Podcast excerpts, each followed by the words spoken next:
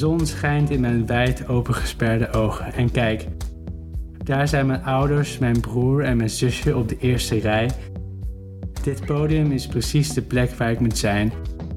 Ik ben jarenlang klein gehouden, maar vanaf vandaag mag ik mezelf zijn. Dit is mijn plek vanaf nu. Lieve Utrecht College toeristen en welkom bij Utrecht College Tour, de podcast. Het liefst zien we jullie natuurlijk in het publiek in de Cargador in Utrecht. Maar zolang dat niet of beperkt kan, maken we deze podcast. En als het goed bevalt, gaan we daar na de lockdown natuurlijk lekker mee door. Utrecht College Tour is het interviewprogramma voor en door studenten. Met elke twee weken een inspirerende gast uit de politiek, sportwereld of media. Natuurlijk mag jij als publiek ook je meest brandende vragen stellen. Wij zijn Laura en Fleur en vandaag eh, hebben we jou te gast, Piet Woe, journalist. Ehm, je hebt geschreven voor de NOS, Vice, Brandpunt Plus.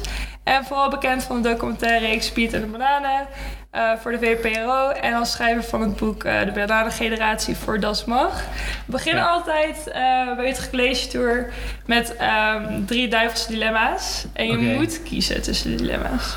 Uh-oh. Dus eh, de eerste is nooit meer een boek mogen schrijven of nooit meer een documentaire mogen maken. Nooit meer een documentaire maken, denk ik. Ik ga wel nog een documentaire maken, maar als ik moet kiezen, dan denk ik, oh ja, hoe fijn is het om eh, in je eentje op een zolderkamer te schrijven. Dat vond ik echt fantastisch toen ik dat boek schreef. Dus ik zou dat, ik wil dat heel graag volgend jaar weer doen. Dus ik zou toch, als ik nu moet kiezen, toch een documentaire opgeven. Oké, Oeps, dus voor sorry. VPRO. Nee, maar goed. Zou je voor altijd in de snackbar willen blijven werken? Of zou je voor altijd stage willen lopen bij de NOS? Oh my god. ik dacht, zou dan toch kiezen voor eh, in de snackbar blijven werken. Ja? ik vond namelijk. Ja, als ik. eh, ja, ik heb in 2008 voor de NOS stage gelopen en ik vond dat dus niet bij mij passen. Wat niet betekent dat de NOS niet bij mij past, maar. ehm, ik vond het zo erg om een onderwerp vast te pakken als journalist en meteen weer te moeten laten gaan diezelfde dag. Want die, die deadline is er en dan, en dan is de nieuwsuitzending geweest en dan moet je weer door naar het volgende. En dat vond ik heel erg eh, stressvol. Dus ik zou druk- zeggen. De druk was daar hoger dan als je werkte in de snackbar. Ja, de snackbar is gewoon heel met heel veel regelmaat. Je weet precies wat je moet doen en er kan niet zo heel veel misgaan. Ja, eh, misschien moet je een keer een frikandel opnieuw frituren, maar ja, dat is het wel zo. Dus ja. Oké, goeie. Ja. Ehm, uitgaan in de Tivoli of weer naar een Asian party gaan? Oh. Wauw, ik ben echt wel al heel lang niet meer in de Tivoli uit geweest. Ik denk dat ik zelfs de laatste keer dat was dat nog in de oude Tivoli aan de Oude Gracht. En niet in Vredeburg. Eh, je ouders zijn naar Nederland geëmigreerd vanuit China. Je bent opgegroeid in Zeeland en verhuisde toen naar Tilburg. En je ouders richten daar de snackbar op de vriendschap. Ja. In je boek omschrijf je deze tijd met je ouders als een perpetuum mobile. Kun je daar meer over vertellen? Nou, eigenlijk precies wat ik net vertelde over de snackbar. Dat het eh, een heel regelmatig leven was. Dus, eh, en met een per perpetuum mobiel be- bedoel ik eigenlijk dus een machine die altijd vanzelf doordraait zonder dat je er iets aan hoeft te doen. Dus eh, ik beschreef dat zo omdat mijn, het gezin waar ik in zat, dat was zo op elkaar ingespeeld qua bewegingen van hoe je een snack van begin tot eind maakt en dan afgeeft aan de klant. eh, dat het allemaal vanzelf ging. Of zo leek het in ieder geval. Dus eh, het geeft zo aan dat het heel erg soepel liep, als dat het ook wel een beetje saai was. Misschien, ja. Deed je naast de snackbar ook meer met je ouders? Of was dit... Meer met mijn ouders. Eh, mijn ouders die werken nog steeds 80 uur per week. Dat betekent dus gewoon dat er niet zoveel tijd is voor iets anders. Met andere woorden, eh, ja, wat doe nog meer, deed ik nog meer met mijn ouders? Ik ga nu, als ik langs ga, ben ik degene die altijd... eh, de ge- ik ben de, ge- het gezellige kind. Dus mijn broers en mijn zusje die komen daar om te helpen in de zaak. En ik ben daar om te kletsen met mijn ouders. Dus ik doe nog best wel veel andere dingen, denk ik. Oké. Kletsen? Ja. Ehm, wat ik er heel interessant van in je boek is een hoofdstuk gewijd aan het taalgebrek tussen jou en je ouders, of in ieder geval de communicatie. Ja. Want jij spreekt, je hebt Chinees eh, gestudeerd voor twee jaar. Ja, een Maar soort van. Ja, ik ja. eh, doe altijd alsof ik heel veel Chinees heb gestudeerd. Maar ik heb drie keer geprobeerd om Mandarijn Chinees te leren in een avondcursus. En dat is niet altijd gelukt. Het is heel moeilijk namelijk. Vooral zelfs ook als je dus een soort van variant spreekt van, van, van het Mandarijn Chinees, is het nog steeds heel Heel veel dialecten. moeilijk. Ja. Ja, dus mijn dialect die ik spreek samen met mijn ouders, dat is dus een dialect die eh, eh, zoveel verschilt van Mandarijn Chinees dat ik bijvoorbeeld als ik in Beijing ben, dan kan ik niet vragen waar de wc is of zo. Of, omdat het, ik heb geen idee hoe je dat zegt. Dus eh, dat maakt al een hele grote uitzondering binnen Nederland. Maar ook dat ik natuurlijk niet per se die taal wilde spreken toen ik jong was, omdat dat bij mijn ouders hoorde. Weet je, wel. ik wilde niet zoals mijn ouders zijn. Dus dan ging ik expres Nederlands praten. Ik praat nu bijvoorbeeld nog steeds Nederlands met mijn twee siblings thuis. eh, omdat het zo erin is geslopen. Waarom wilde je niet zoals je ouders zijn toen je jong was? Nou, ik denk dat heel veel mensen niet zoals echt zo per se in hun puberteit als hun ouders willen zijn. Of zo, Ja. toch? Het was een soort van afzetten. Maar ook natuurlijk het idee van mijn ouders die maken mij anders. Dus als mijn ouders ehm, eten meegaven naar school, dan was het altijd anders dan het eten van mijn klasgenoten. Ik bedoel, die kregen gewoon, ja, wat, wat, wat kregen jullie? Boterham met kaas? Boterham Ja. met kaas of zo, of een knakworst. Ja, ik weet het niet. Een biefieworst. Ja, ja. Maar wij kregen natuurlijk altijd eh, eh, het, het eten van gisteren of zo, je wel. En dat was, ja, mijn moeder die houdt echt van koken. En ik bedoel, al, nu, ik er laat, nu ik nu op terugkijk, denk ik van wat fantastisch dat ze zo gevarieerd kan koken. Maar destijds dacht je echt van, oh my god, ik krijg weer wat van dat rare eten, moet ik weer gaan uitleggen wat het is of zo. Of eh, dat mensen denken van, eh, Maar geef je Waarom, dan uit de snackbar of zo? nee, Dat nee, niet dat kan helaas niet. Nee. Nee, nee, het was echt altijd zelfgekookt eten. Maar na een tijdje gingen we dus over op witte puntbroodjes met knakworst, omdat ik dat graag wilde. Nou, wel lief. Maar, eh, Ja. maar je vader spreekt geen Nederlands. Mijn vader spreekt een beetje Nederlands. Als in conversational eh, eh, snackbar praten over voetbal Nederlands. Weet je, dat van hé hey, ja, Ajax heeft gewonnen, hè, weet je dat. maar het verder, omdat hij natuurlijk niet echt, hij hoeft geen diepe gesprekken te houden met überhaupt iemand die naar de snackbar komt. Maar dan ook niet met jou. Nee, ook niet met mij, omdat Ja. hij natuurlijk vindt dat ik Chinees moet praten. Dus ja. Vormde deze communicatie, was dat een dingetje voor jou toen je opgroeide? Of, Nou, het is dus allemaal weer achteraf gedacht natuurlijk. Want Ja. nu achteraf denk ik, ah ja, shit, had ik natuurlijk maar een betere eh, eh, eh, kennis van die taal gehad. Want dan kon ik tenminste mezelf nog uiten op een manier dat mijn ouders ook mijn emotionele belevingswereld konden meemaken. Maar ehm, ja, ik vind, als ik nu achteraf gezien denk ik van, oh ja, wat jammer. Maar destijds dacht je meer van, ja, ik weet niet wat er aan de hand is. Ik begrijp niet wat er tussen ons is of zo, dat we elkaar niet begrijpen. ja. Maar nu je als volwassen man kan terugkijken, denk je natuurlijk, oh ja, En het feit dat ze natuurlijk 80 uur per week werken. Dus er was niet het moment waarop ze dachten, nou laten we even gaan gezellig zitten en dan praten over eh, eh, jouw emoties. En wat heb je vandaag meegemaakt, wat, waar wil je doen in het leven of zo. Dat soort dingen hebben, is ons nooit gevraagd. Ik denk een van de grootste dingen uit mijn boek is natuurlijk dat je als iemand die opgroeit met Chinese ouders in de westerse wereld, dat je natuurlijk altijd die struggles tegenkomt van de normen en waarden van de vorige generatie. En in dit geval gaat het natuurlijk heel erg om het, de Oosterse mentaliteit van eh, familie boven alles. Eh, en in Nederland zie je om je heen dat het gaat om iedereen's individuele geluk bijvoorbeeld. Dus dat de ouders dan ook zeggen van ja, wat wil je laten worden? wat wil je voor je verjaardag? Weet je, dat soort dingen, dit soort dingen werden mij bijvoorbeeld nooit gevraagd, want het ging niet om mij. Dus bij ons binnen het gezin werden we altijd op, die manier weggecijferd. Omdat het bijvoorbeeld de snackbar of eh, eh, een goed fundament bouwen voor je toekomst. Die, dat, zijn de twee dingen die altijd bovenaan stonden. Ehm, en dat is gewoon hun manier van, eh, ja, hoe zal ik het zeggen? Eh, laten zien dat je er voor je kinderen bent. Want de snackbar is hun manier van geld binnenhalen. En geld binnenhalen betekent een zekerheid opbouwen voor de toekomst. Dus zij dachten, als wij nu gewoon geld verdienen met de snackbar... dan kunnen tenminste jullie studies betalen. En dat is het enige wat we willen, want daarmee kom je vooruit in het leven. Wij hebben onze eigen levens opgegeven in China om jullie dit te geven. Dus, maar dat zeggen ze natuurlijk niet direct. En als je dan opgroeit als puber, denk je van... ja, shit, waarom krijg ik niet die cadeaus? Waarom gaan wij niet een keer kamperen of zo, of whatever? Eh, waardoor het altijd lijkt alsof wij onderaan staan. Maar voor hun is het natuurlijk altijd zo geweest eh, van... ja, wat wij doen, doen wij voor jullie. Maar ja, ze uit het gewoon anders. En als je het niet om je heen ziet, dan denk je van wat, wat gek, wat een disconnect of zo. Ja. Dus ja, ik, natuurlijk maak ik inderdaad die eh, worsteling tussen eh, wat belangrijk is in een Oosterse cultuur versus hier eh, heel erg mee. En dat is denk ik ook een van de grote punten uit mijn boek. Mhm. Ja, om daarop door te gaan, want je zegt inderdaad over studies en zo. Eh, je bent als 17-jarige na het VWO naar Utrecht gekomen om Engels literatuur te doen. Ja, En je kreeg ook gelijk een huis van je ouders. ja. Of je ouders hebben je huis gekocht. Hoe was dat? Dat je deze van... Je zegt ook inderdaad, je ouders hebben er, werkten hard voor jullie toekomst. zeker. Ehm, hoe was het dan om ineens ook een huis erbij te krijgen? Van, ja, dat lijkt me Hoe wel was dat heftig. naar huis? Eh, geweldig. Ik hoefde geen huur te betalen negen jaar lang of zo. Ze- zeven jaar lang. Ik heb zeven jaar in Utrecht gewoond, denk ik. Ja, bij ons was het ook zo van ja, dan moest ik de kamers weer verhuren aan andere mensen. Het, wa- het waren hele kleine kamers. En ik sliep ook nog eens in de eh, kamer met het gipsen muurtje dat mijn, moeder, eh, mijn vader zelf heeft gebouwd in de woonkamer. dus het veel, ja, dus het viel op zich, eh, het was niet heel luxe of zo. Maar als ik, sorry, maar als ik moest ruilen met, als, of mijn ouders tegen me zeiden dat ze van me hielden of een huis, dan had ik gekozen voor dat ze tegen me zeiden dat ze van me zouden houden. Dus, dus, Tuurlijk. dus kan ik het wel als een privilege zien, maar ik heb er wel even andere dingen voor moeten opgeven. En dan vind ik het mezelf niet zielig of zo, maar ik bedoel meer van, ik heb wel een huis gekregen. Dus Ja, precies. Ja, Ehm, ja, natuurlijk, want je, je zegt ook inderdaad, je ouders willen je een goede toekomst bieden.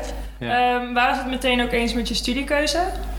Eh, nou, toen ik zei dat ik Engels ging studeren, dachten ze wel van, oh, oké, eh, dan word je leraar of zo, want dat is een vaste baan. Dat was een beetje hun eh, ding. Dus het is niet, ze dachten wel van, misschien had ik wel iets beter studeren, wat, misschien iets bij de overheid of zo, of weet je wel, of dingen waar je nog meer een, zekere, een zekere baan bij kunt krijgen, denk ik. Maar ik denk vooral dat zij, wat keu- studiekeuze betreft, bij ons eh, heel erg vrij waren geweest als ik op terugkijk. Vooral omdat mijn zus die wilde bijvoorbeeld naar de modeacademie en mijn broer die heeft industrieel ontwerpen eh, eh, gestudeerd. En dat is bijvoorbeeld, mijn ouders weten niet wat het is, hè? dus dan heb je erom maar gezegd: oké, doe maar gewoon dat of zo. Zolang je maar afstudeert, is het oké. Ja, precies. Ja. Want hoe kwam jij erbij om dan dit te gaan doen? Eh, ik wist niet zo goed wat ik moest studeren. En toen dacht ik, nou, ik wil eigenlijk gewoon goed Engels kunnen. Eh, dat is misschien ook een beetje het ding van mijn jeugd. Als, in, als, je zelf, als je zelf als individu nooit bovenaan staat, dan leer je jezelf ook niet zo goed kennen. Omdat je niet leert om op jezelf te reflecteren. Dus mij werd ook nooit gevraagd van, wat vind ik leuk of zo. Dus daarom dacht ik, nou ja, eh, dan maar Engels. Dan kan ik tenminste goed Engels. Dat was een beetje het ding. En ik denk pas toen ik in Utrecht ging studeren, dat ik dacht van, oh ja, ik vind eigenlijk ook wel film of zo. Ik vroeger eh, schreef ik altijd samenvattingen van films in een schriftje. Toen dacht ik, nou ga ik dat erbij doen. Dus dat was dan mediastudies. Ja, nice. Ja. En eh, ja, inderdaad, je bent dan eh, in Utrecht gaan wonen. En hoe voelde dat om inderdaad voor het eerst op jezelf te zijn? Hoe, hoe is jouw studentenleven geweest? Nou, ik heb heel lang gestudeerd, dat wel. Dus eh, ja, ik, Mm, wil, je een breed, wil je een breed lang antwoord? Of, het nou, even denken hoor. Ik, toen ik begon met studeren ging ik nog wel dus eh, op zich regelmatig terug naar Tilburg of zo. Omdat ik toen nog moest helpen in de zaak. Dus dan hadden zij verdeeld dat ik mijn broer dan op zondag moest werken en ik op zaterdag. Ehm, maar ja, ik denk dat het vooral een tijd was van dat ik eindelijk een keertje bijvoorbeeld eh, een kamer alleen had. Alleen, bijvoorbeeld, ik had vroeger nooit privacy bijvoorbeeld. Eh, dat was de eerste keer dat ik dat had. Ehm, of bijvoorbeeld dat ik niet in een jongensklas zat. Ik mm, heb natuur en techniek gedaan op de middelbare school. dat was, ik, ja, eh, ik leerde toen ook eh, dat ik heel ehm, makkelijk kon praten met meisjes of vrouwen. Dus ik kreeg toen ineens heel veel... Ik had daarvoor bijvoorbeeld nooit als vrienden vrouwen gehad. Klinkt heel gek, maar omdat ik altijd bij eh weet ik veel, Job en Martijn en dat soort Ja. mensen in de klas zat. Dus eh, ehm, en in Utrecht was dat dus ook, werd dat dus wel meer. ja, om Engels was echt, ja, dat was denk ik 75% vrouw of zo, zou ik Nou, zeggen. Nog steeds. eh, is En inderdaad Utrecht heel sowieso. Ja, dus, ehm, en dit klinkt heel, heel stereotyperend, maar vrouwen die gaan echt veel meer vragen over hoe je je voelt of zo. Of eh, eh, eh, vragen naar je toekomst. Of weet ik veel, wat voor droom je hebt. De vragen die ik nooit kreeg vroeger in een stoer klasje... waarin het alleen maar ging over meisjes versieren. Of over dat iemand op boksen zat of zo. Weet je wel, dat soort shit. Dus... Dus daarom maakt hij wel een hele nieuwe wereld mee, zeg maar. Ja, sowieso. Maar ook sowieso het feit dat uh, als je erbij gaat studeren, dan kom je waarschijnlijk in een groep terecht waarin iedereen dat graag wil doen, namelijk Engels studeren. En daarvoor zat ik, zat ik in een klas waarin mensen echt geen motivatie hadden om überhaupt af te studeren op scheikunde of whatever, uh, of biologie, of uh, dat mensen er echt geen zin in hebben. Toen dacht ik, oh ja, wat gek, dat je mag dus nu een soort van hoge punt halen, want dat is dan ineens wel cool of zo. Mhm. Dus dat was ook een hele andere wereld. Ja, ik vond, maar ik heb dus ook bijvoorbeeld mediastudies erbij gedaan, omdat ik dus Engelse taal niet ik vond het niet zoveel om handen hebben. dus daarom deed ik dat erbij. Is dat veranderd? Is het moeilijk geworden? nee? Nee, niet echt eigenlijk. Oké. Okay. Ja, ik vond het wel allebei heel leuk om te doen hoor. Dus, uh... Vond je media dan leuker dan Engels? Is je daarmee vergelijk? Mm, je alle twee maar? Ik, ik weet niet zeker of ik het allebei überhaupt echt super leuk vond. Maar je ging wel door met een, uh, met een master in... Zeker, een master in allebei. Ja, dus je vond het leuk genoeg om door te gaan. en in mediastudies uh, Ja. een master heb ik altijd gedaan. Ja, vooral omdat ik niet wist wat ik daarna wilde doen. Dus, uh, Maar je dacht niet, ik ga iets nieuws doen. nou, toen, ik deed toen een stage bij de NOS en toen wist ik van, oh ja, dit is misschien toch wel waar ik naartoe wil. Dus ja. Ja, want we willen ook ehm, eigenlijk nu praten over al je studies en al je dingen. Want dat, ja, ja, toen naar jullie keken, toen werd het allemaal duizelig. Want het was echt een dubbele bachelor, dubbele master. Daarna nog opvolgend twee masters, Ja, eh, heel veel stages. Ehm, de vraag is natuurlijk, hoe deed je dit? En ook waarom? Ja, waarom? Je wist nou als ik aan terugdenk heb ik dus in één jaar inderdaad die twee commissies gedaan en twee studies. En dacht ik, hoe heb ik dat gedaan? Ik heb geen idee. Ik moet wel even, dan zou ik dus moeten Sliep terug... wel? Of eh, was het gewoon... Ja, ik, zou moeten, ik was wel altijd heel netjes in het bijhouden van mijn agenda. Dus waarschijnlijk heb ik gewoon heel goed gepland. Denk ik, als ik dan... In, ik moet even terugzoeken dan in mijn agenda's van hoe, de, hoe ik dat dan deed. Maar uh, ik vond het juist wel heel erg leuk om heel erg druk te zijn. Dus op zich uh, past op zich ook op mij, denk ik. Dus ja. Oké. Okay, um, tijdens je, je, eerste master Amerikanistiek ben je ook naar uh, ja. Florida gegaan. Ja. Om daar een deel te doen. Ja. Um, Klopt. Ja. was dat leuk, Florida? Ja, dat was, was fantastisch. Het was, ik wist eigenlijk dus niet zo goed dat Florida echt een soort van afvoerputje van de, de States was. maar ik kwam daar... Ja, ik weet, ik weet niet wanneer die image ineens kwam, maar ik zie nu zoveel memes voorbij ja, komen van mensen... Ja, Florida man, kills... Uh, ja. Als je op Google zeg maar, dan ja. Anywho, uh, ik zat op de University of Florida. Dat was een uitwisseling inderdaad met hier. Um, het was, uh, toen ik aankwam, was natuurlijk ook uh, de football season, zeg maar van de fall, waarin de, de Gators, dat zo heette dan de team die, van de alligators, omdat de alligators in Florida zitten, die wonnen toen ook, zeg maar, dat, dat seizoen. Dus het was geweldig. Het was gewoon heel gek om een, überhaupt een master te doen in het buitenland, waarbij uh, de standaarden veel hoger lagen dan hier in Utrecht. Niet dat ik wil zeggen dat hier laag lag, maar daar lag het echt hoog. Dus, uh, Omdat het een master was? Omdat het een master was, ja. Want ik ging dus ook met andere Nederlandse uitwisselingsstudenten naar Florida. En die deden het bachelor. En die kregen dus gewoon elke week een multiple choice toets. Ja, Terwijl ik drie essays moest inleveren elke week.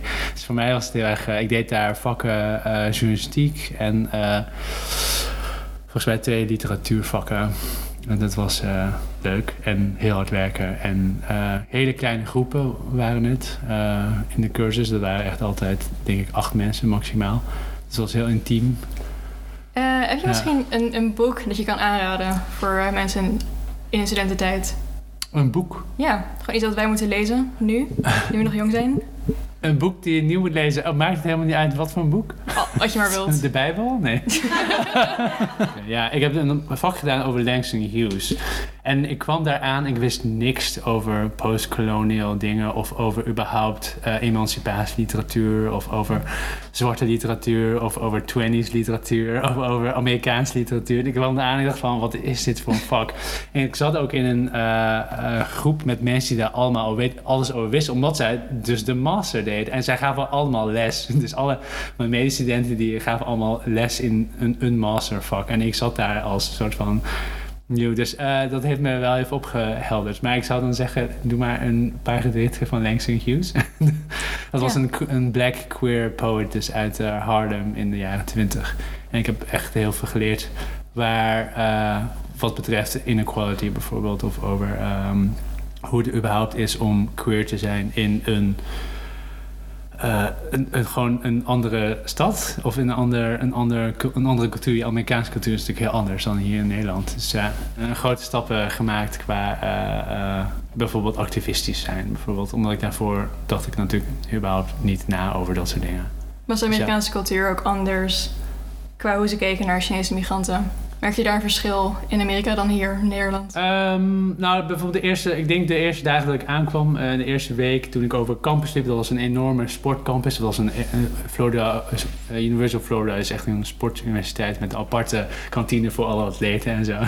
en wij zeiden van wow. Maar het, ik liep daar gewoon over campus en toen werden, werd ik eigenlijk al heel vaak aangesproken door mensen van hey, wil je bij onze student union? En dacht ik, hè, wat gek, dat zijn allemaal Asians die op mij afkomen. En het blijkt dus dat er heel verschillende student unions uh, bestaan die specifiek, zich specifiek richten op bijvoorbeeld behandeling met andere mensen die ook Asian American zijn. En zij dachten dus, er ging dus vanuit dat ik Amerikaans was. En dat is natuurlijk al het grote verschil met hier. Hier ben je, hier zodra je een soort van een streepje hebt in je etniciteit, bijvoorbeeld Chinees of Nederlands, dan ben je vaak, vaak zie je zelf vaker als uh, um, ja, hoe zeg je dat? De perpetual foreigner noemen ze dat. Dus je bent altijd nog.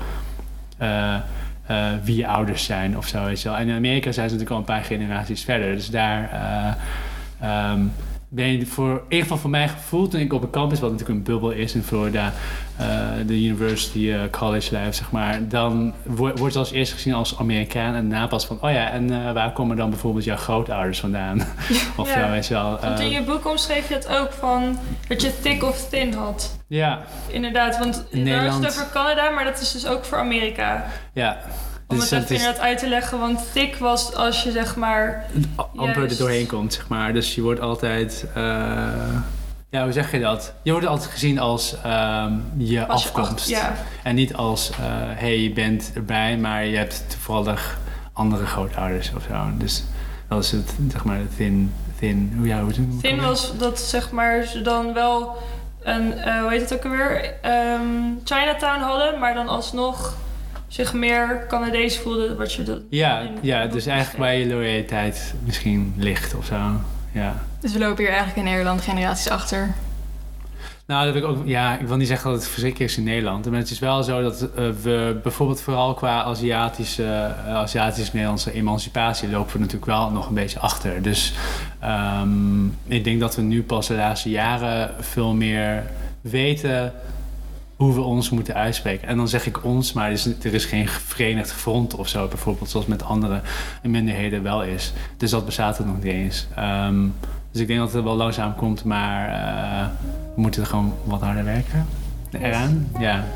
Het komt er wel, maar het is gewoon meer. Het heeft ook gewoon te maken met tijd en met mogelijkheden om die uit te spreken.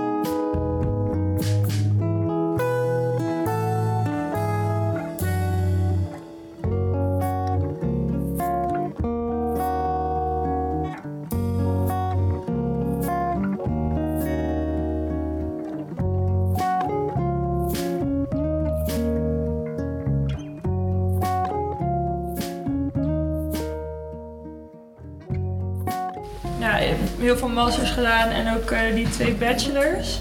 En je zei dat je het deed om niet echt, omdat je niet echt wist wat je wilde doen. Wanneer wist je ongeveer dat je dacht, oké, dit is precies wat ik wil doen? Ik denk toen ik uh, terugkwam van de NOS. Uh, sorry, van ik deed. Ik was in ik studeerde in Florida tijdens de presidentsverkiezingen. Toen Obama, werd, uh, toen Obama won tegen McCain. 2008 is super lang geleden. um, en het was dus heel leuk om daarbij te zijn in een swing state. En ik deed ook verslag voor de NOS daarvoor, een beetje. Het was, je kunt je niet voorstellen, maar NOS.nl was gewoon een beetje een flutsite destijds. Als in, ik stond letterlijk met mijn blog als studentenblogje stond ik op de voorpagina wel eens. Omdat daar gewoon... Het, er waren twee webredacteuren of zoiets. Wel, internet was gewoon niet, niet zo zo'n ding of zo. nee. Ik kan me niet voorstellen dat je daar maar twee rap-redacteuren had bij NOS. En nu is dat natuurlijk de, de grootste redactie daar. Maar toen kwam ik terug en toen boden ze me dus die master aan. En dus een soort, een soort van baan op de binnenlandredactie. En toen ging ik dus bij de NS werken als planner. Nou, dat was echt dat was een van de saaiste banen in de wereld. en toen Dat was dacht voor ik... je stage. Nee, dat, dat was dus mijn werk. Ik heb dus een jaar lang... Oh, het was gelijk ook... Het was zeg Ja, maar stage dus een voor werk- school, maar gewoon ook gelijk werk. Ja, het is een werk. En daarna zouden ze me dus be- betalen om die master te doen. Zeg maar. Wat Dus is een eh, planner? Wat doe je dan? Een planner is dat je bijvoorbeeld eh, ehm, rondbelt en dan weet je van... Oh, Maximbaan gaat een schip dopen over op eh, 2 november. Dus dat ga ik inplannen en dan zet je dat, dat in de agenda. En dan kunnen andere mensen daar een verhaal van maken. En dat is super saai. Maar mij werd dus bijvoorbeeld wel beloofd... ehm, dat ik heel veel ervaring mocht opdoen op heel veel verschillende redacties. Dus bijvoorbeeld Jeugdjournaal en Studio Sport, et cetera. En toen ging mijn eh, begeleider, zeg maar, dus je had dan als eh, jonkie, had, had je altijd zo'n senior, die werd ineens directeur van het museum of zo. En toen had ik dus geen begeleider meer. Dus niemand meer die me opving. Dus ik zwierf daar een soort van een jaar lang rond als eh, ehm, naïef iemand die dan net is begonnen en niet echt... Ja, ik deed intussen dus ook nog die opleiding, weet je. Dus het was... Ik wist gewoon niet zo goed hoe ik om moest gaan in een nieuwsomgeving. Vooral dus omdat ik merkte dat je dus heel snel die onderwerpen weer moest laten gaan. Dan plan je dus maximaal één, maar je moet het weer laten gaan, weet. Dus dat ging dan elke dag zo. Dus eh, toen wist ik vooral wat ik niet wilde. Mhm. Namelijk snel nieuws maken. En toen Maar toch wil je journalist worden, dus... ja, dus daarna ging ik eh, stage lopen bij The Quest. Dat, was dus, dat is dus een populair wetenschappelijk maandblad. Dus een, was destijds de best gelezen blad van eh, Nederland. Nu niet meer, maar eh, het was destijds het blad wat iedereen dan las bij de tandarts of op de wc of Mhm. whatever. of bij de snackbar. Ehm, en daar heb ik eigenlijk vooral leren schrijven. Dus ik wist namelijk dat ik schrijven leuker vond. Omdat ik op de middelbare school al mijn eigen magazine had. Dat was fanfiction over Dawson's Creek. Eh, omdat ik, ik was echt obsessed met... Wat toen gewoon tv? Creek. Dat kwam, dat kwam op Fox. Dat was een zender... Bestaat dat nog steeds? Ik kijk het dus ook geen tv meer. Nee. Fox geen idee. Kids? Fox- nee, dat trouwens Nee, Fox Fox. niet meer, nee. Nee, Fox was dan zeg maar, ja, wat is het nu? Ik weet dus echt geen idee. Maar dat was dan destijds, was dan nieuw, weet je wel, dan van wow, eh, Kevin eh, Williamson van eh, Scream, die heeft dan een nieuwe serie bedacht. Dat heet dan Dawson's Creek. Dat was echt hip met allemaal, allemaal jongeren eh, die dan in een eh, kleine stad eh, opgroeien. Nou, dat was dan Dawson's Creek. En dat nam ik dan altijd op, op, op video. En toen maakte er altijd een soort van fanfiction na, nadat het, seizoen was afgelopen. Of het ging toen ineens van Fox af of zo. Dus ik kon het niet meer zien. Je, kon toen destijds nog niet downloaden of zo. Dus ik verzon het daarna verder zelf, samen met mijn zusje. Dus daar maakte een tijdschrift van. En Waren er mensen die het lazen? ja, ik verkocht het op school. Dus Ja. eh, ja, dan, dan gingen we het uitprinten stiekem op de print van school. dan gingen we al die duizenden blaadjes gingen ze allemaal uitprinten. En daarna gingen we het verkopen aan eh klasgenoten. Dus ja. Dus daar is het zeg maar, Toen wist ik-.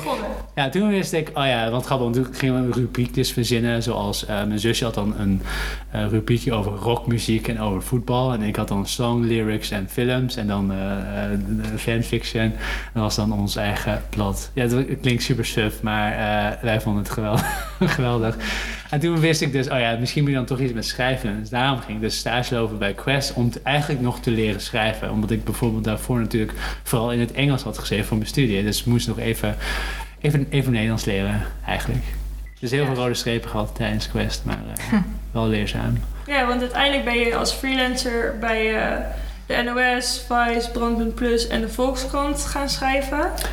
Ja, nu, ja, het- nu, nu noem je dat alsof het heel makkelijk was. Maar ik denk wel, hè? oh ja, eh, ik heb het wel echt moeten opbouwen. Ja. dat was echt... eh, Kun je er meer over vertellen? Ja, eh, toen ik bij Quest werkte, toen ging, wilde ik weer studeren. Want ik dacht, eigenlijk ben ik nog niet klaar.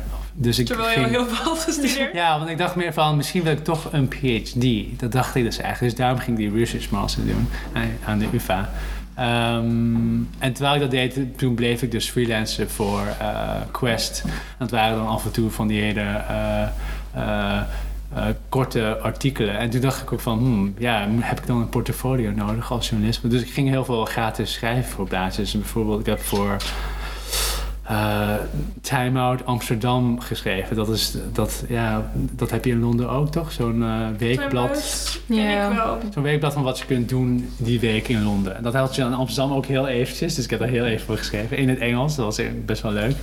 Ehm, voor dat gidsje... Er was ook ooit een gidsje van de Lonely Planet.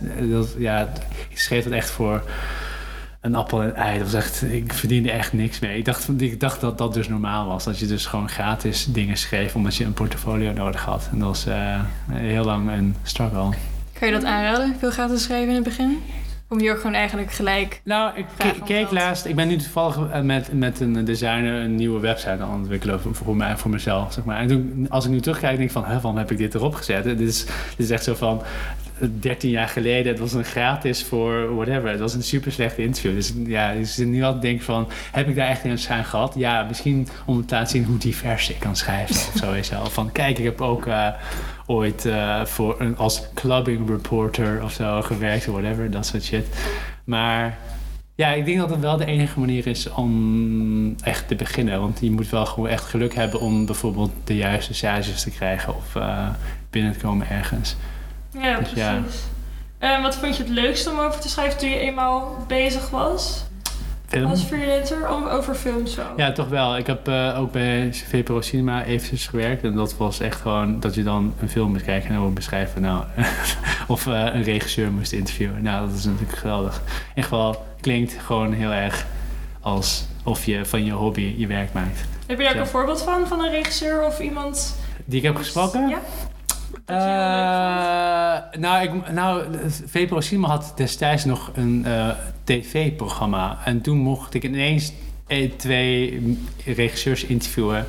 Nee, ik mocht niet zelf in beeld, maar ik moest dan, zeg maar, ik was dan die hand, weet je wel, die dan zo in beeld Ja. zeg maar. Ja, en dat waren dan altijd van die hele obscure films. Ik moest een Argentijns eh filmregisseur die dan een soort van hele kleine film over goudvis of zo had gemaakt, moest ik dan interviewen. En dat was echt een soort van. Soort, het waren, meer cute items of zo dan een echte hele type eh, komen gaan met eh, Sofia Coppola zitten en heel lang praten of zo. Het was meer zo van, hé, hey, eh, we zijn even voor dit gebouw, we gaan even snel praten en dan was het weer of zo.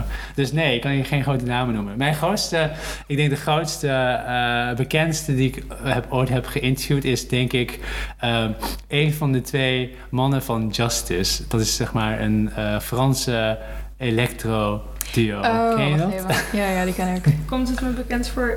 Dat is hadden- van... eh, van ehm, Ze hadden een hit Dance. ja, hoe ging Ja. dat ook weer? Wil je eens even? Zeg het even. Ja, zie dat eens even? Ze doen eh, D-A-N-C-E. That's what it means to Oh. me. Ja, oké. Oh, sorry, wat zeggen ze? Wat zingen ze? Eh, de chorus gaat gewoon iets van D-A-N-C-E. Oh, en dat doen ze dan ja, een paar dat. keer. Maar dat is een electro...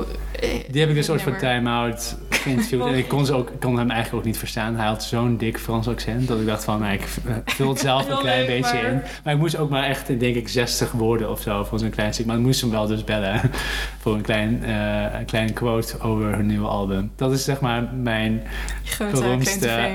is het mijn beroemdste? Ik weet het niet, ja. Je had toch altijd het spel van wie is de beroemdste eh, in je telefoon. En dan denk, zei ze, ik vroeg altijd dit. Maar ik denk niet dat zijn nummer nog werkt. Dus ja, zullen we bellen?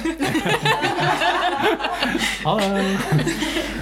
Eh, ja, je hebt inderdaad dan, je zegt vaak over film geschreven en andere artikelen geschreven. Maar je schreef ehm, in je boek dat je bewust nooit vanuit de ik-vorm schreef. En waarom Ja. was dat? Nou ja, omdat je eigenlijk vanuit de journalistiek natuurlijk altijd wordt geleerd van ja, je moet natuurlijk zo objectief mogelijk iets kunnen belichten. En eh, dan eh, vond ik het altijd heel erg oneerlijk als ik dan eh, alleen maar over Chinees en Nederlands zou gaan schrijven of zo. Mhm. Omdat ik dan voelde dat ik natuurlijk op een manier veel door een andere lens kijk dan andere journalisten naar die groep. Omdat ik natuurlijk zelf ook deel van die groep ben. Ja. En ik denk, eh, er zijn altijd goede initiatieven. Ik heb zelf bijvoorbeeld ook in program- programma's gezeten of trajecten die, die dan diversiteitstrajecten zijn geweest bijvoorbeeld. Eh, omdat ze dan bijvoorbeeld meer eh, journalisten van kleur willen aantrekken of meer mensen op televisie of meer eh, schrijvers eh, met een andere etnische achtergrond eh, in Nederland willen aantrekken. Omdat het niet lukt, maar. Zelfs bij NOS toen ik daar zat, ehm, kreeg ik dan als portefeuille, iemand die dan dus geen Mandarijn Chinees spreekt, kreeg dus China als portefeuille. Wil jij dan alle contacten gaan leggen?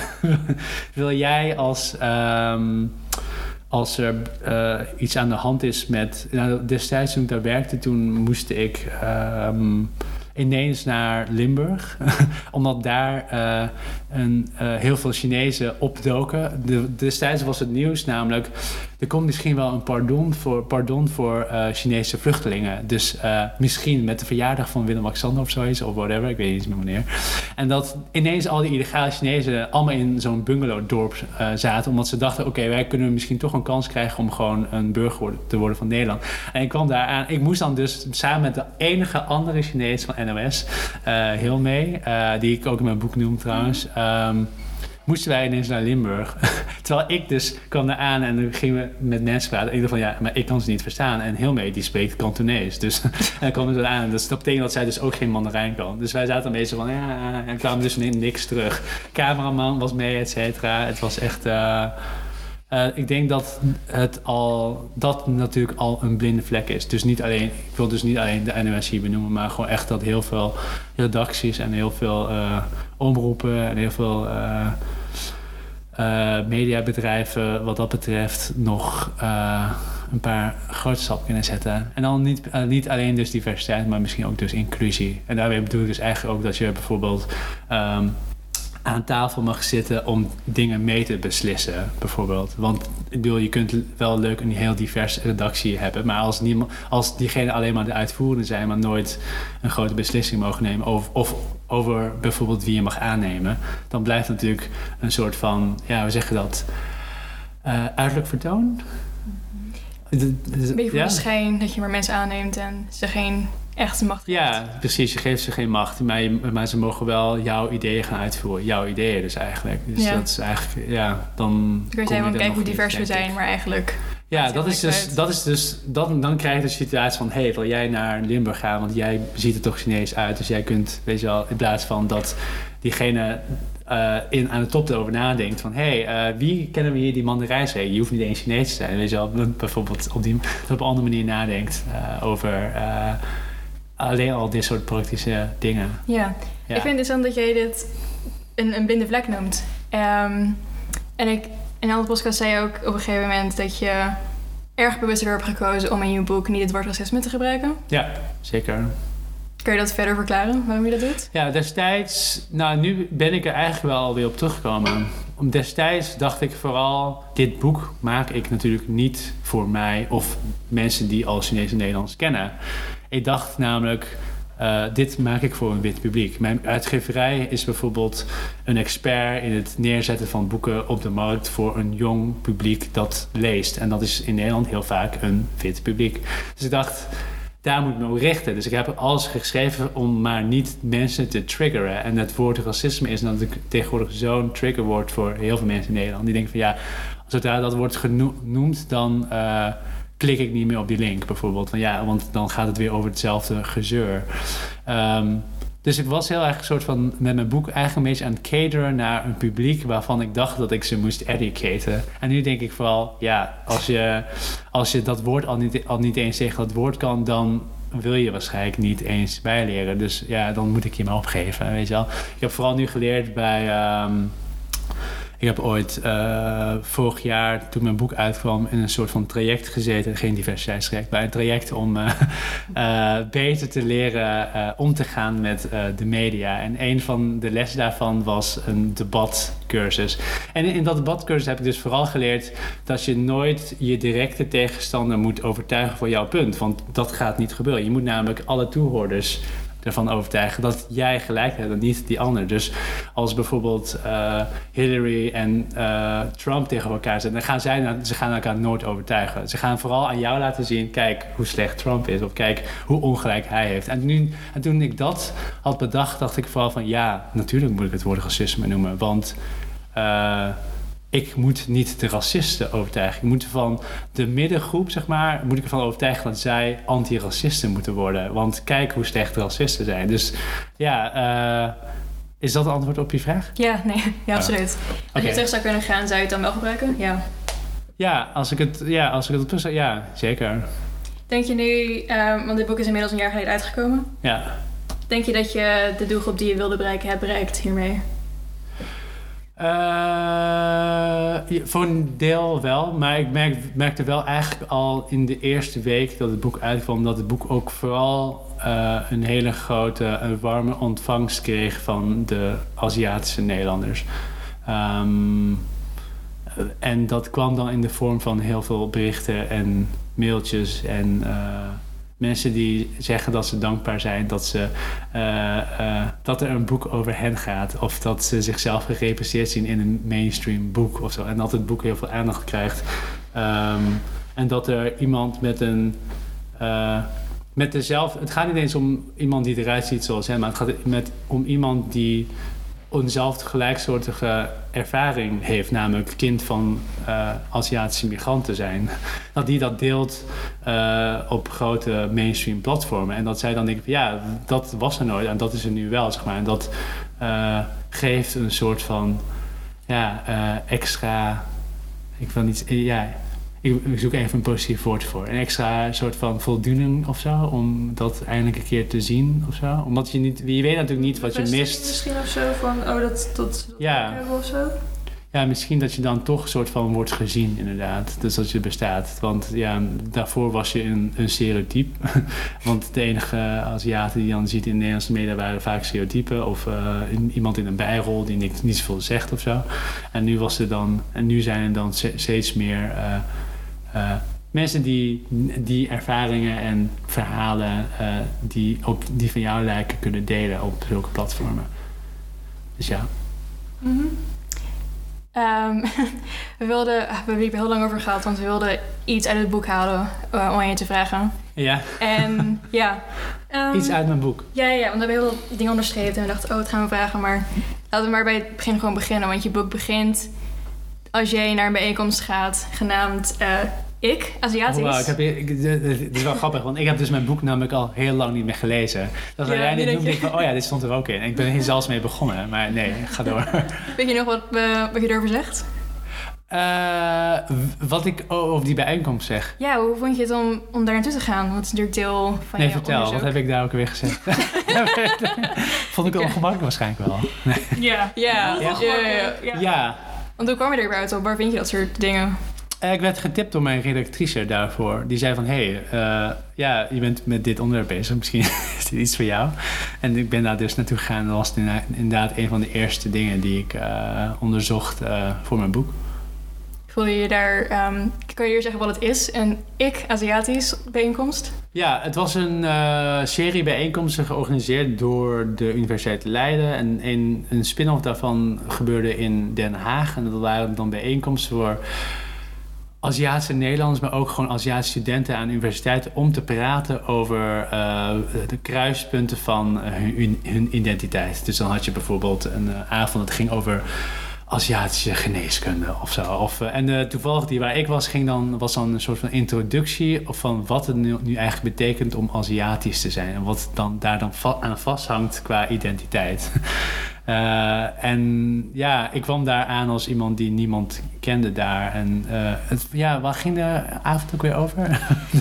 Er waren een paar tafels en de tafels hadden allemaal een test. En Ja. dan moest je aankruisen bijvoorbeeld hoeveel rijst eet je per week. En als je dan een bepaald, eh, onder een bepaald aantal zat, dan was je niet Aziatisch genoeg. Ja, dat Ja. was een soort van ironische test die we allemaal van tevoren moesten doen. Wat, die zijn dan in een soort van computer gooiden. En dan konden ze dan laten zien, deze groep is zoveel procent Aziatisch genoeg of zo. Eh, en dan is het natuurlijk heel ironisch om jezelf af te vragen of je, dat, of je wel genoeg Aziatisch bent. Alsof je dan kunt afvragen of je genoeg Nederlands bent, bijvoorbeeld. Als, Ja. eh, eh, dus het was gewoon een soort van een hele lange reflectieavond op van... ja, kijk, eh, wat betekent eigenlijk precies om Aziatisch te zijn? Want jij kwam er, bij jou kwam er uit dat je eigenlijk niet Aziatisch genoeg was. Ja, dit was- uitslag toch? Ja, ik ben echt... Ja, maar hoe Eh, dat?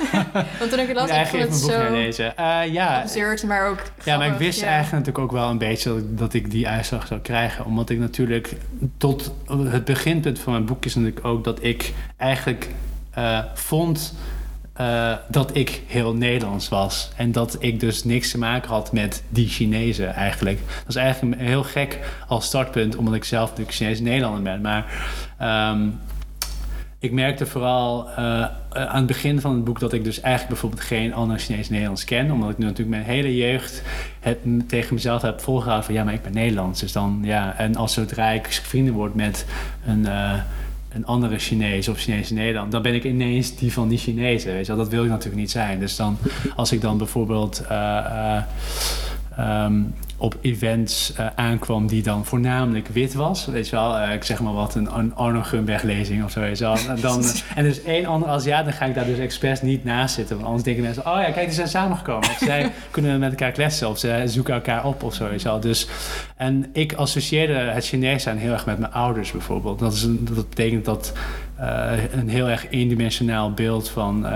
Een heel stereotyp beeld eigenlijk van wat een Chinees in mijn hoofd is. Eigenlijk precies zoals andere mensen om me heen dat eigenlijk ook dachten. Ik studeerde natuurlijk gewoon Engels. Dat is ook best wel een, uh, niet per se de meest gemeleerde maar, omgeving. Um, dus mijn uh, eigen beeld van wat gevormd wordt over een minderheid is in dezelfde conditions, zeg maar, gebeurd als de mensen om me heen. Ik consumeer dezelfde media als hen, et cetera.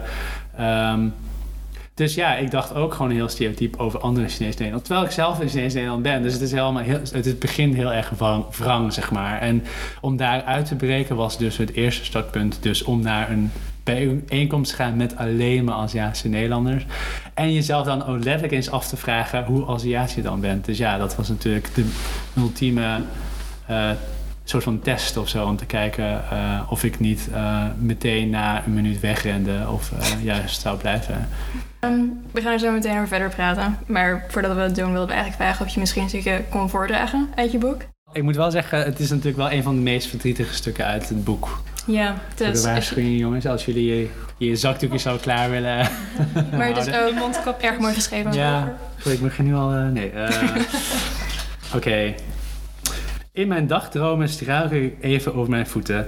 Wanneer ik naar het midden van een podium loop, mijn handen komen als bladeren uit struiken en helpen me weer overeind. Iemand geeft me een ballon aan een touwtje aan, een paar schone witte lakens bollen ergens in de wind en klinkt het naderende getoeter van een langslopende marsband. Ik pulk even aan de touwtjes van mijn broek, trek mijn, trek mijn mouw omlaag en ineens iemand in de menigte drukt een oorlogskreet de lucht in. Eentje die zo gaat van wa wa. En ik kan er niets aan doen als vanzelf ontsnapt er ook een uit mijn longen, daar op het podium. De zon schijnt in mijn wijd opengesperde ogen. En kijk, daar zijn mijn ouders, mijn broer en mijn zusje op de eerste rij. Dit podium is precies de plek waar ik moet zijn. Ik ben jarenlang klein gehouden, maar vanaf vandaag mag ik mezelf zijn. Dit is mijn plek vanaf nu. Mijn ouders nemen me na afloop in hun armen mee naar huis en zingen dan: Het was allemaal maar een test. Haha, maar vanaf nu mag je jezelf zijn. Vanaf nu, vanaf nu, vanaf nu, vanaf nu, vanaf nu, vanaf nu. Mijn moeder appte bijna onmiddellijk naar mijn zusje. Ik weet, je heeft hele moeilijke tijd geweest. Nu mama ook hele moeilijke. En ik ben geen goede mama. Weet alleen hoe moet werken, werken, werken. Niet weet wat mijn kinderen nodig hebben. Als ik eerder had geweten, misschien nu is anders. Zei het smiley face, huilende smiley face. Tot dit appje had ik niet één keer gehaald om het feit dat ik op mannen viel en niet op vrouwen. Maar ik zat daar op het terras in Istanbul op een zondag een noodware dag voor Eines en je weet nog nooit wanneer de tranen komen.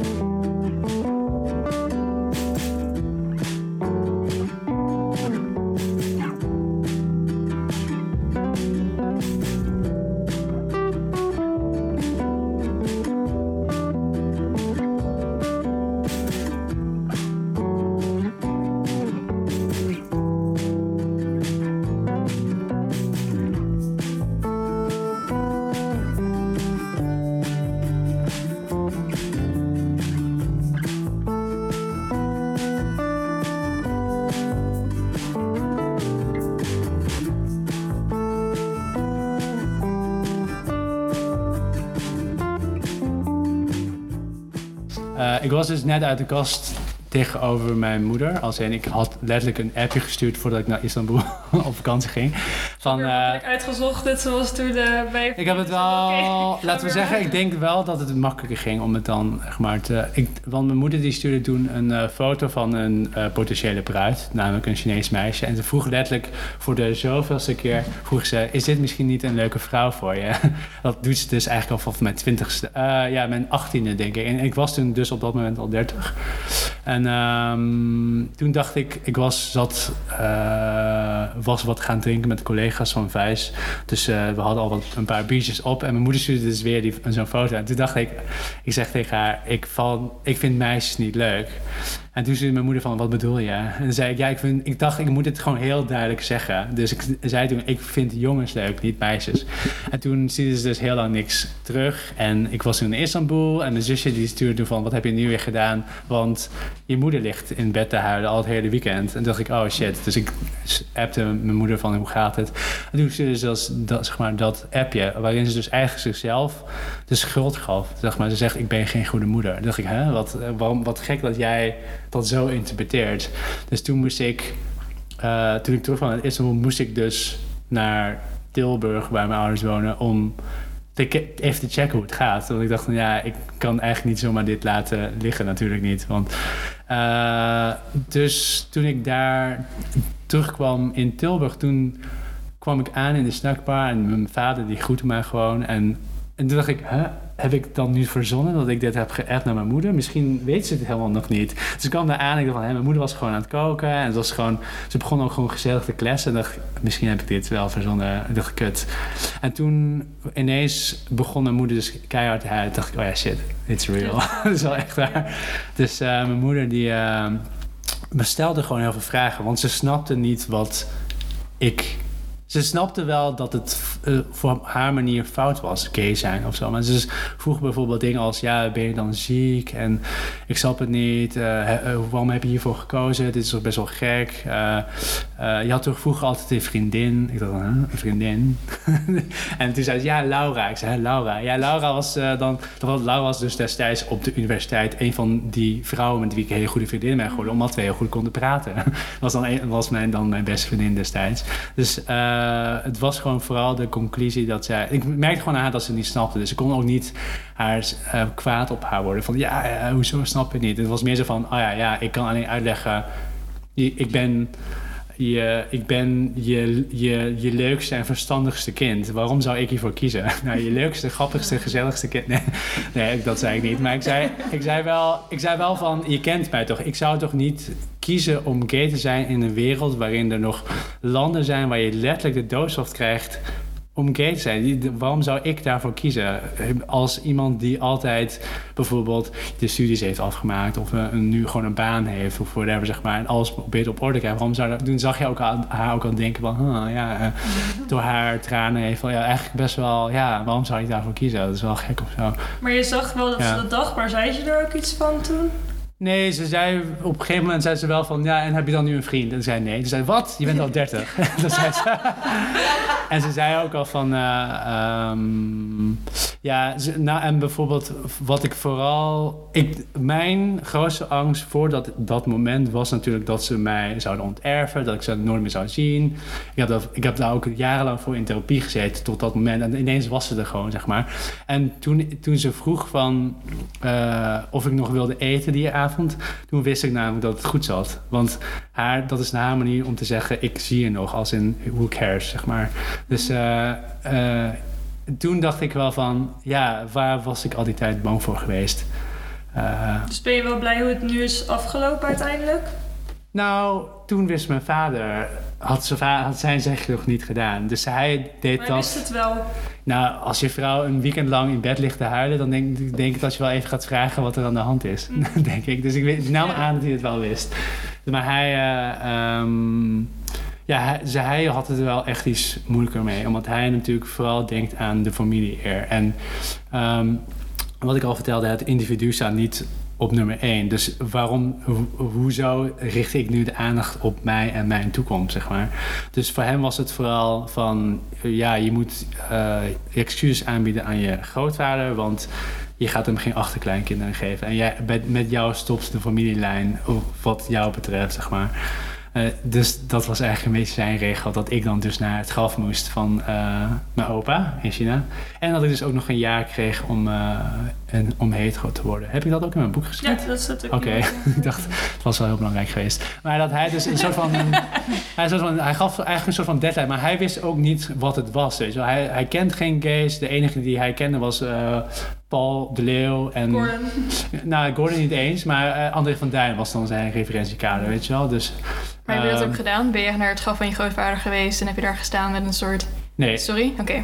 Nou, ik heb het ook in het boek gezegd, maar ik was wel naar zijn graf, maar meer toevallig. Want ik was geen toevallig het jaar daarop ging op reis met mijn moeder. En we gingen dan, zeg maar, als een soort van traditie altijd langs het graf van haar ouders en die van uh, mijn vader.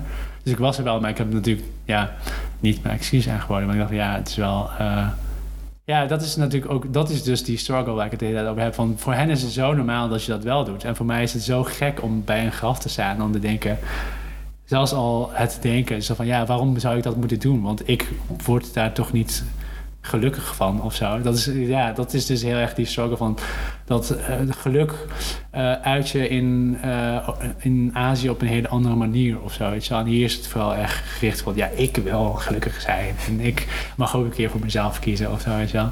Dus dat waren vooral de gevoelens die door me heen gingen toen ik daar stond in de bergen bij de, het graf van mijn voorvaderen. Maar dat was ja. die vakantie met je moeder toen ze je wel nog aan een andere vrouw wilde koppelen, toch? Ja, ze hebben erin geluisterd. Dus het was. Um, ik, ik, ik, toen, toen mijn moeder mij opbelde, ongeveer, ik denk drie maanden nadat ik uit de kast was, dus na die dramatische avond waarin ze dan gingen huilen en ging vragen wat er aan de hand was. Uh, toen had ik haar eigenlijk al niet meer gesproken. Ik heb haar eigenlijk daarvoor elke week gesproken. Sinds ik in Amerika ben geweest, belt ze me elke week. En toen had ze me eigenlijk nooit meer gebeld. Tot op dat punt vroeg ze ineens: Wil je met me mee op vakantie? Uh, wil je naar de bruiloft van je nicht? Want geen van ons kan, dus misschien is het goed als jij gaat. Toen dacht ik: Oh, oké, nou. En een week later belde ze weer op en zegt ze: Ik ga mee. Ik zei: Oh, oké. Okay. Nou, vind ik ook goed als jij het betaalt. Vind ik het allemaal oké. Ik had.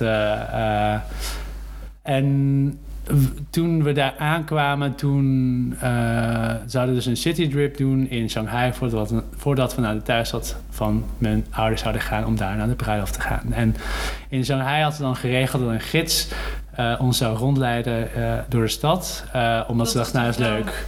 En dat bleek dan dus ineens een, de vrouw te zijn wiens foto ze mij stuurde toen ik uit de kast kwam, die november daarvoor. Dus uh, toen dacht ik van, nee, ik herkende haar niet of zo. Maar ik begreep dat, het haar, uh, haar, dat zij het was, omdat zij ook Nederlands kon. Zij was geboren in Nederland en opgegroeid, en, maar ze was dan terugverhuisd naar Shanghai, bla bla. Um, en toen waren het dus hele ongemakkelijke dagen. Omdat mijn moeder dus dacht dat ze me dus ineens nog hetero kon maken. Zodra ik dan die vrouw ontmoette. Omdat ze dacht dat het zo werkte. Dat je dan gewoon op slag verliefd wordt. En dan denk je van ja, nou ja, het was allemaal maar een, misschien toch maar een soort van een fase of zo. Weet je wel? Uh, dus uh, ja, dat waren twee dagen, twee ongemakkelijke dagen in Shanghai. Vond zij het ook ongemakkelijker of dacht zij... Nou, ik weet dus niet zo goed of zij weet wat er aan de hand was. Maar het was niet dat ik dacht van, nou, laten we lekker gaan daten of zo in Shanghai. Uh, show me the good places of zo. Ik dacht niet. uh, dus um, ja, ik denk dat vooral mijn moeder het gewoon nog als een laatste redmiddel zag of zo. Nou, Piet, naast het boek uh, wat je hebt gemaakt van de bananengeneratie... heb je natuurlijk ook de documentaire gemaakt. Ja. Piet en de bananen. Um, wat is hier het grootste verschil tussen? Of wat is zeg maar tussen het boek en docu? Um... Ja, het grootste verschil. Ik wilde heel graag. Nou, ze zijn een beetje tegelijkertijd ontstaan. Dus ik heb het idee gepitcht bij een uitgeverij. En ik heb het idee gepitcht bij een omroep. En um, de, de go van de omroep kwam wat later. Vandaar dat die een half jaar later is uitgebracht. Maar het was het eigen idee om het tegelijkertijd uit te brengen. Wat natuurlijk fantastisch was geweest. PR-wise. Maar um, nu, dit was ook prima. Dan hadden we gewoon twee grote momenten in dit jaar. Um, het grootste verschil is dat uh, de documentaire zich vooral focust op het daten. En dat wilde ik juist zo graag omdat ik eh, bij daten heeft denk ik iedereen wel meteen een beeld. En ik heb het vooral gepitcht bij uh, VPRO DORS. Dat is dus gericht op jonge mensen. En ik denk dat uh, juist het onderwerp daten heel erg aanslaat bij de doelgroep. Misschien ook bij ouderen, maar vooral omdat ik dat graag wilde. Mhm. En ja, het grootste verschil is denk ik vooral dat, dat het proces in de documentaire wat achterloopt op het boek. Misschien heb je dat zelf ook gemerkt of niet. In de serie moest ik dus eigenlijk een beetje acteren dat ik heel erg last had van uh, zelfhaat en van uh, dat ik een heel vertekend zelfbeeld had. Terwijl ik natuurlijk in het, voor het boek al een heel proces had doorgemaakt. Zoveel mensen had gesproken over precies dat onderwerp dat ik natuurlijk zelf niet meer uh, op die manier erin kon staan. Maar ik heb wel gedaan voor de documentaire alsof het zo was. En uh, of vooral voor het, ja, vooral om, zodat het verloop van het verhaal ook wat logischer aanvoelde. Ik kon niet daar aankomen en zeggen van ja, ik ben super trots op Aziat zijn, want hoe de fuck cares. Want aflevering 2 heet letterlijk ook ik schaam me voor mijn Aziatische uiterlijk. dus ja, dat kan niet. Ja, want um, je hebt inderdaad dan een hoofdstuk liefde in je boek en daar gaat ja. dan de, de, documentaire serie meer over. Waarom vond je het zo belangrijk om dat in een documentaire te vertellen? Want wat is zeg maar het verschil tussen inderdaad als Chinese Nederlander deed of ja, hoe merkte je zeg maar, dat daar verschil in was? Nou, wat ik dan ook tijdens het schrijven al merkte, is natuurlijk practice what you preach. Ik spreek zoveel over representatie en het gebrek daaraan, dat het ook natuurlijk logisch is om die gezichten waar ik het over heb in de, het boek, zeg maar, ook naar het scherm te brengen. Of te laten zien dat, uh, dat er verschillende verhalen zijn bij die verschillende gezichten. Want anders uh, kun je er misschien wel over lezen, maar dan kun je nog in je hoofd denken van ja, maar die kon net zo goed van één persoon zijn of zo. Wel. Maar nu zie je letterlijk die verschillende verhalen en die gezichten die dan praten en hun eigen verhaal doen. En dat was sowieso een meerwaarde van er een beeldversie van te maken, die misschien ook net iets anders vertelt. -hmm. Ja. Want wat zijn bijvoorbeeld de dingen die je vooral opvielen aan het daten en die je vooral in je docu naar buiten wilde brengen? Um, nou, ik merk natuurlijk toen ik uit de kast kwam dat je natuurlijk jezelf altijd überhaupt, sowieso zelfs als je niet als jij moet verhouden op de datingmarkt. Dus dan verhoud je dat van ben ik uh, gemiddeld knap? Of ben ik, weet je wel, of uh, hoe pas ik in dat plaatje en wie zou ik kunnen daten? Wie, wie is er in mijn league of wie niet, weet je wel?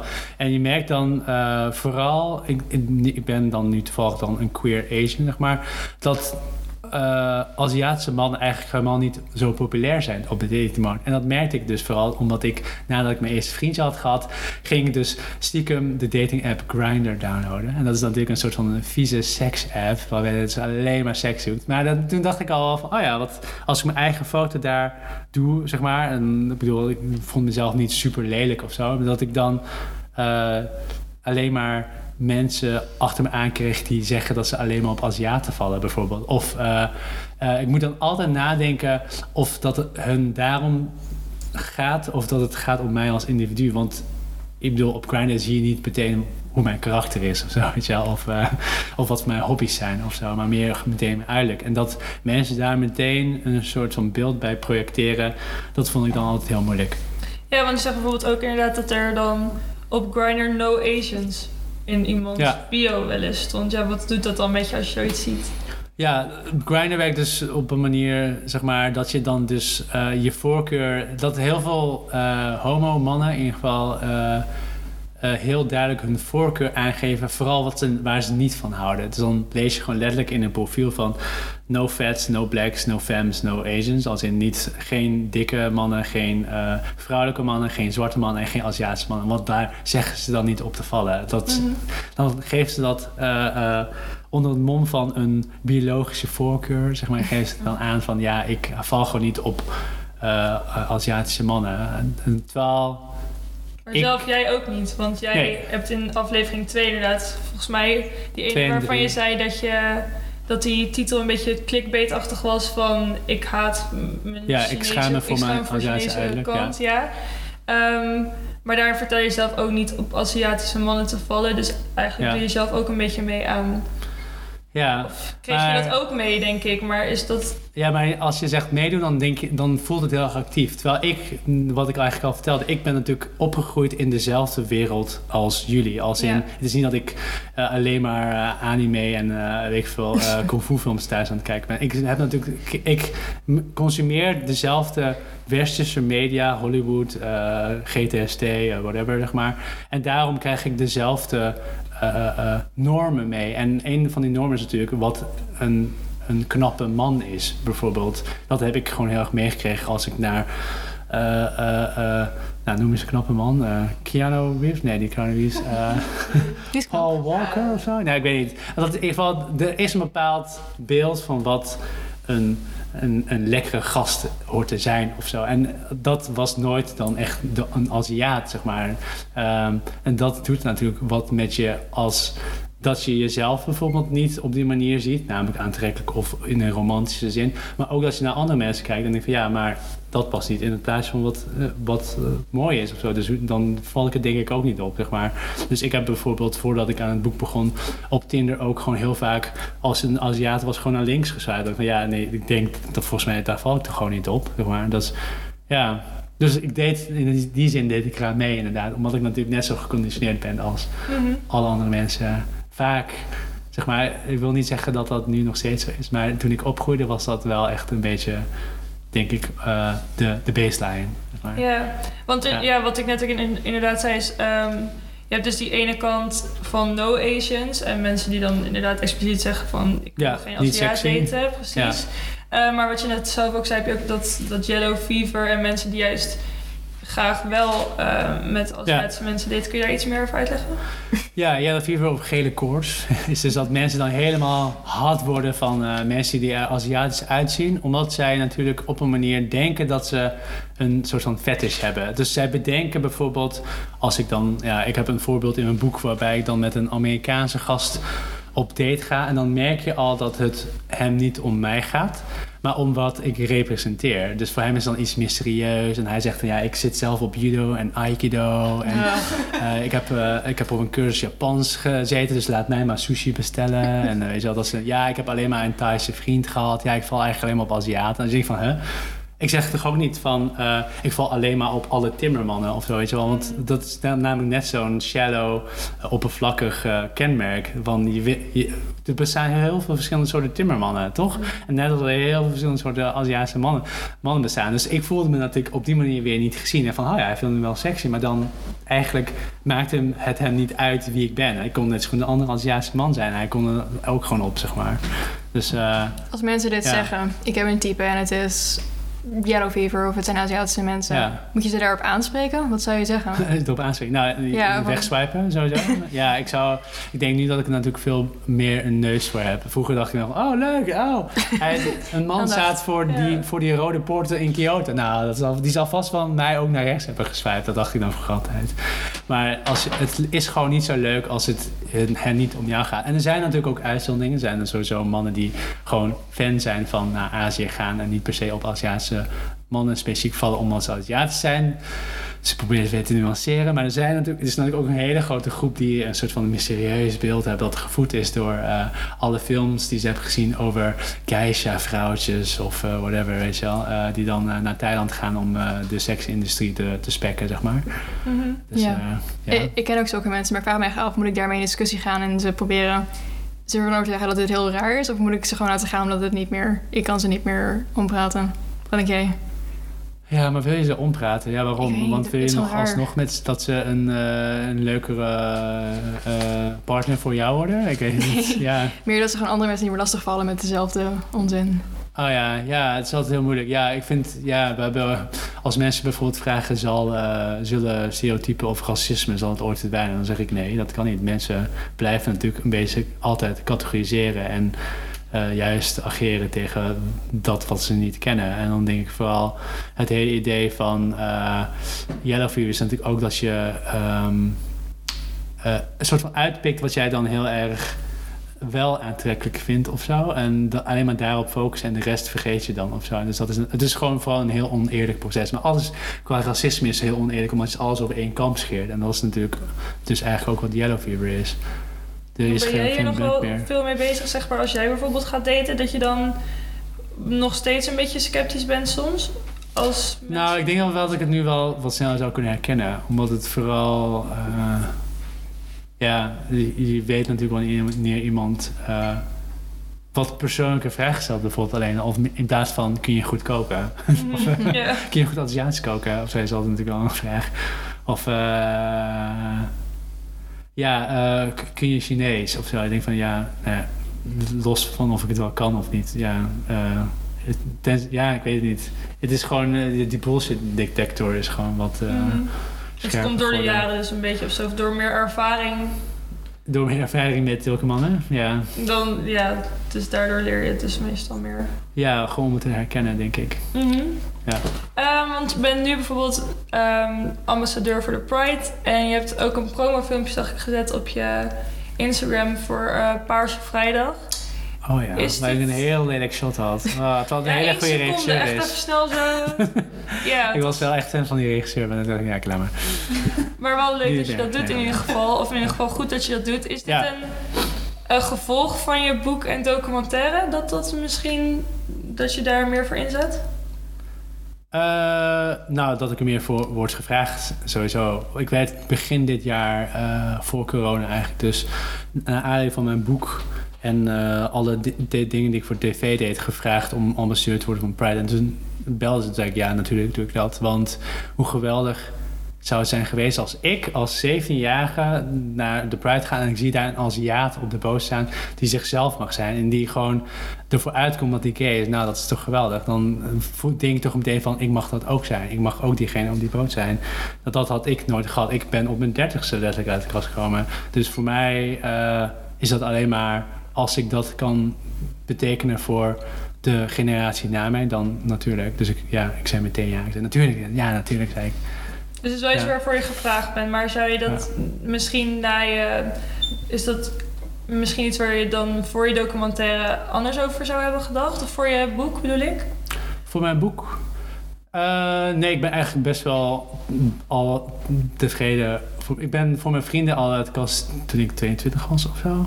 En voor mijn ouders op mijn 30ste pas. Maar ik denk wel dat het makkelijker is gaan toen ik ook voor mijn ouders uit de kast kwam. Dat het gewoon makkelijker is. Het is niet dat ze het leuk vinden dat ik eh, ehm, dit soort dingen zeg in de media. Ik, ik benoem natuurlijk juist heel vaak dat ik ook op mannen val, omdat ik het belangrijk vind dat Aziatische mensen dat ook gewoon mogen zeggen of mogen zijn of eh, daar open over mogen zijn.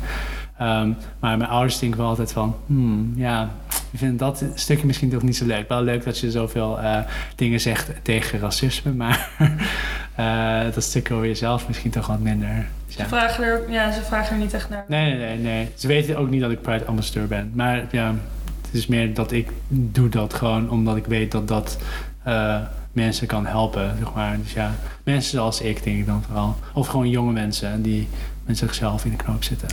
Zijn er nog meer dingen die je bijvoorbeeld na je boek of na je documentaire... ehm, dus na het spreken van ook inderdaad misschien meerdere Aziatische mensen... voor jou anders zijn geworden? In het afgelopen jaar? ik ken veel meer Aziatische Nederlanders bijvoorbeeld. En mensen met die ik gewoon ook wel eens ga eten. Daarvoor had ik dat echt niet. Ehm, of het wel anders. Ja, ik krijg nog steeds heel veel berichtjes van mensen. En probeer eigenlijk ook altijd te antwoorden. Maar ik heb. ehm, en ik krijg ook aanvragen van bijvoorbeeld. ehm, nou, mensen die afstuderen bijvoorbeeld. Ik probeer wel altijd een beetje te helpen. Maar ik heb wel, moet wel zeggen dat ik het wel echt super druk heb. Dus dan denk ik wel van shit, ik vergeet weer dat soort mailtjes. Of vergeet weer op iets te antwoorden. En bij Instagram dan ik het heel snel weg, weet je wel. Dus als je het vergeet, dan ben ik het gewoon kwijt. Dus ja. Dus eigenlijk gewoon wel, mm, zeg maar, meer kansen gekregen door je boek en documentaire. Of meer, Ja, zeker. meer aangeboden. Ja, zeker. Eh, ja, het, ik denk, ja, het, voelt heel gek, maar in Nederland als je een boek schrijft als journalist, dan ben je ineens een soort van... eh, mensen kijken van, oh wow, een boek, oké. Dat is het, ja, gek, want daarvoor schreef ik natuurlijk ook al wel eens artikelen over Chinese Nederlanders. Bijvoorbeeld een paar hoofdstukken uit mijn boek zijn ook gewoon artikelen in kranten geweest, bijvoorbeeld. Maar dan kreeg je ook niet die, zeg maar, dit soort eh, aandacht of zo. Dus ja, een boek helpt. Dus als mensen boeken willen schrijven. Ja. Nou goed, eh, Laten we naar de laatste twee vragen gaan. Want eh, ja, laatste blokje. Ik wil praten over je, de dingen die je hebt gedaan na het boek. En eigenlijk ook over de rol van boeken in de strijd tegen discriminatie. Want jij hebt een boek geschreven eh, om, om weer herkenning te geven aan Chinese Nederlanders. Maar je hebt ook onlangs een bijdrage geleverd aan wit huiswerk. Ja, Kan je meer vertellen over dat initiatief? En kan je ook meer vertellen over jouw bijdrage daaraan? Ja, wit huiswerk. Ik, vond, ik heb wel tegen wit huiswerk gezegd van ja, ik vind natuurlijk dat het huiswerk moet zijn voor iedereen. Als in eh, ook niet-witte Nederlanders. Want onder wit niet-witte Nederlanders reken ik ook bijvoorbeeld Aziatische Nederlanders. En ik, eh, merk namelijk ook dat er onder eh, Aziatische Nederlanders wel eens onwil is om zich uit te spreken tegen racisme als het bijvoorbeeld gaat om Black Lives Matter. Ehm, ik stond zelf wel gewoon bijvoorbeeld op de Dam, omdat ik dat belangrijk vind. Want ik vind dat eh, je kunt niet soort van kiezen waar je dan wel voor bent. Want ja, laten we tegen dit stukje racisme, daar zijn we wel tegen, maar dit stukje niet. Het is natuurlijk gewoon part of one thing, weet je wel. Dus ik vond het belangrijk om daar een bijdrage aan te leveren. Omdat ik ook vind dat ehm eh, Aziatische Nederlanders eh, zich op die manier publiekelijk horen uit te spreken tegen racisme. Dus ja, een, een wit huiswerk, maar dan gewoon eigenlijk vooral huiswerk voor alle Nederlanders die, die zichzelf eh, meer willen leren over hoe ze zich kunnen uitspreken. Of hoe ze, eh, om meer te begrijpen hoe, hoe het überhaupt werkt, zeg maar, racisme bijvoorbeeld. Gaat jouw stukje daar ook over? Nou, mijn stukje is eigenlijk stiekem gewoon een hoofdstuk uit mijn boek. Ja. Oh, echt waar? Ja. Want het heet anders, maar... En dit anders, dat is zeg maar deel 3, maar dan een beetje samengevat. En dat zijn volgens mij drie hoofdstukken samengevat in één langer stuk. Is dat media-gedeelte uit je boek? Sorry? Het gedeelte over de media? Het gaat over ehm, dat ik bij, in een radio-uitzending zit en dan wordt gevraagd of eh, hoeveel Chinezen er rond eten. Ja, Dat stuk. dat heb ik gelezen inderdaad. Mhm. Ja, Mhm. het gebeurde gewoon een paar jaar geleden. Nou, misschien dat je het net al een beetje hebt eh, weggegeven, maar als laatste vraag uitgelezen vragen we altijd wat je voor advies zou geven aan studenten. Nee, ja, ik weet het niet. Ik zit te denken, misschien... eh, Is er iets dat je aan jezelf wilde zeggen? Aan je eigen zelf, die studeerde hier in 2003? Heb jij advies Oh, het is wel grappig dat je dit zegt, want ik, dit, eh, ik kom dus in een boek waarin, dat heet dan 16. En daarin eh, is de vraag inderdaad, wat zou je tegen je 16-jarige hebben gezegd? En toen had ik gewoon vooral gezegd van, eh, ehm, dat je nog gaat ontdekken hoe fijn het is om wel jezelf te mogen zijn. Want dat, op mijn 16e was ik eigenlijk niet mezelf. En als ik aan terugdenk van ja, wat een geluk of zo dat ik vooral eh, ook bijvoorbeeld in de media mezelf mag zijn. Ik ga, ja, ik hoef, ik- de, de dingen waar ik over praat zijn natuurlijk dingen die heel dicht bij me liggen. Zo op die manier is het eigenlijk ook weer fijn om over je identiteit te praten. Want ik, ik kan niks fout zeggen bijvoorbeeld. Dus eh, ja, ik zou dat misschien zeggen. Dat het gewoon heel fijn is om jezelf te zijn. Ja, vind ik een mooi Heel advies inderdaad. Ja. Ja. Ja, I like it. Nou, heel erg bedankt in ieder geval dat je ons de gast was. Ja, Piet, heel erg bedankt dat je bij ons te gast was. In de volgende podcast is Rens Polman, bekend van Drugslab, bij ons te gast.